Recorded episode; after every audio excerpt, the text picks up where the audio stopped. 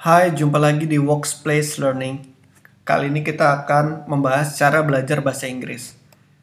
Pertama-tama kita akan membahas kenapa belajar bahasa Inggris itu penting, apa motivasinya, kedua, apa yang harus pertama kali kita pelajari, lalu bagaimana meningkatkan kemampuan listening, speaking, reading, dan writing, lalu kesimpulan. Kenapa belajar bahasa Inggris itu penting? Ada beberapa alasan. Pertama, sebagai akses informasi, Misalnya Anda membaca buku ataupun artikel berbahasa Inggris, tentunya akan memudahkan Anda memahami isi materi yang disampaikan. Kedua, menunjang pekerjaan. Jika Anda sehari-hari bekerja dengan menggunakan bahasa Inggris secara dominan, tentunya akan mudah sekali dalam melakukan pekerjaan kita. Ketiga, jika Anda ingin pindah ke negara lain berbahasa Inggris, tentunya kemampuan berbahasa dan berinteraksi dengan orang asing akan memudahkan kita dalam kondisi sehari-hari. Kemudian, apa yang pertama kali dipelajari? Tentu saja ini yang paling penting, bagaimana cara mengucapkan huruf, kata-kata, dan connected speech pada tingkatan yang lebih tinggi. Selain itu, kita juga perlu memperbanyak vocabulary. Pronunciation itu adalah cara bagaimana kita mengucapkan suatu kata dan suatu huruf. Saya menemui banyak sekali ketika seseorang berbicara dengan bahasa Inggris dengan sangat cepat. Umumnya kita akan sulit memahami apa maksud dari perkataannya. Terlebih lagi meskipun dia memiliki grammar yang tepat, tapi uh, jika dia mengucapkan hurufnya tidak benar, ya tentunya akan sangat sulit dipahami dan uh, bisa terjadi salah paham. Kemudian vocabulary, jika Anda memiliki banyak vocabulary, artinya Anda bisa lebih paham banyak hal ketika Anda membaca, ketika Anda mendengarkan, ketika Anda ingin berbicara, dan ketika Anda ingin menulis. Jadi semuanya saling berhubungan dengan vocabulary. Kemudian sebagaimana kita belajar bahasa kita sendiri, kita dimulai dengan mendengarkan. Sewaktu kecil kita mendengarkan orang tua kita mengajarkan bicara, kemudian dari situ kita bisa belajar berbicara, baru setelahnya kita belajar bagaimana cara membaca dan menulis. Jadi tahapannya seperti itu, yang natural. Salah satu cara untuk meningkatkan listening adalah bisa dilakukan dengan menonton film atau YouTube di channel yang berbahasa Inggris ya dan memang dari guru bahasa Inggris biasanya banyak sekali seperti English uh, like a native dan lain-lain.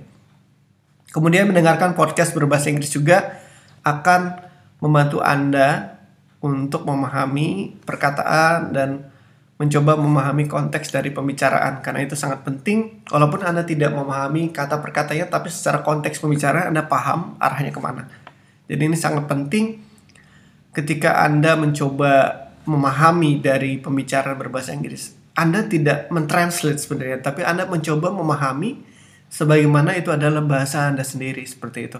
Jadi konteks pembicaraannya seperti apa. Kemudian mendengarkan sambil membaca tulisan, ini membantu kita melatih pronunciation. Jadi ketika kita menonton film, aktifkanlah subtitle berbahasa Inggris dan sambil membaca Anda juga bisa mempraktekkan bagaimana mereka menyebutkan kata-kata itu. Jadi ini adalah pelajaran yang sangat efektif jika Anda uh, memang mau menggunakannya. Seperti itu. Kemudian speaking. Bagaimana cara meningkatkan kemampuan speaking? Hanya ada satu cara yaitu berlatihan. Dan Anda bisa mengikuti kelas berbahasa Inggris sesuai level Anda. Jadi banyak kursus-kursus yang menawarkan uh, speaking English. Jadi gimana caranya Anda berinteraksi dengan rekan sesuai level Anda. Jadi jika Anda punya level di elementary, intermediate, upper intermediate atau bahkan advance sendiri itu akan ditempatkan di, di sesuai level Anda. Jadi secara um, confidence Anda akan merasa berada pada satu level dan itu sangat membantu sekali untuk meningkatkan kepercayaan diri Anda ya. Seperti itu. Dan jika kita tidak terbiasa berbahasa Inggris, tentunya kita mencoba membuat sebuah lingkungan yang menunjang itu baik di rumah atau di kantor. Dulu di kantor saya pernah membuat sebuah grup Inggris dan saya rasa memang butuh konsistensi untuk membuat itu menjadi sebuah habit dan mungkin Anda membalas sebuah email ataupun chatting ya menggunakan bahasa Inggris ya. Dan intinya adalah jangan pernah takut salah. Jangan pernah takut salah karena semua orang bisa salah, bahkan ketika orang luar negeri sendiri ya ketika berbahasa Inggris. Seringkali Anda harus membayar mahal untuk mendapatkan lingkungan ini. Jadi ketika Anda ada beberapa kursus yang memang menyediakan lingkungan berbahasa Inggris, jadi Anda dipaksa untuk berbahasa Inggris ya, seperti itu.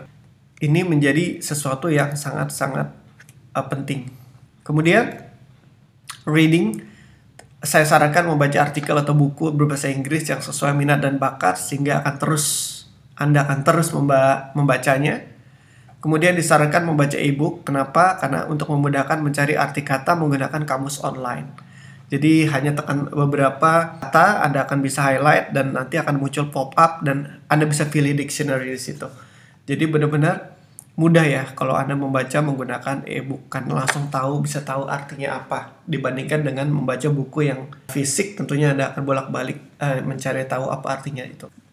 Membaca salah satu dasar eh, ilmu pengetahuan dan memang disarankan Anda membaca banyak hal. Kemudian writing Ketika Anda sudah menguasai listening, speaking, kemudian reading, dan di sinilah Anda akan mencoba membentuk kemampuan untuk writing. Pelajari konteks dan tentukan grammar yang tepat ketika Anda ingin menulis sesuatu. Pikirkan apakah ini konteksnya sekarang, lampau, atau masa depan. Kemudian apakah ada frase atau idiom yang Anda ingin gunakan. Di sini tentunya perlu melatih ini.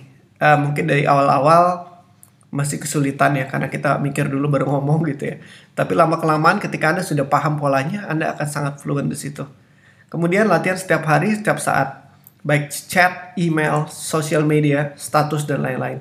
Jadi jangan pernah takut untuk mencoba dan jangan pernah takut untuk salah. Kita masuk ke kesimpulan. Intinya motivasi belajar bahasa Inggris sangat penting untuk apa Anda belajar bahasa Inggris. Karena jika motivasinya tidak kuat ya tentunya proses belajarnya juga tidak serius ya. Nah ini yang memang harus kita perhatikan. Kemudian memperbaiki pronunciation dan menambah vocabulary. Jadi ini penting sekali supaya orang jelas memahami apa sih yang Anda katakan. Kemudian menambah vocabulary tentunya menambah kemampuan kita untuk mendengarkan, berbicara, menulis, dan membaca.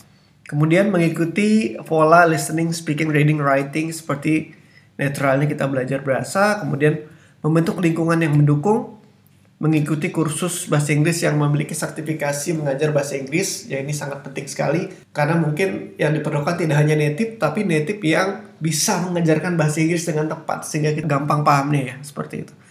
Dan ini yang tidak semua orang punya. Lalu latihan, latihan, latihan tidak pernah berhenti, tetap latihan setiap hari, setiap saat, di setiap kesempatan. Dan jika Anda melakukan ini semua, diharapkan kemampuan bahasa Inggris Anda akan meningkat gradually seperti itu. Dan sekian dari saya, jumpa lagi dalam kesempatan yang akan datang. Terima kasih.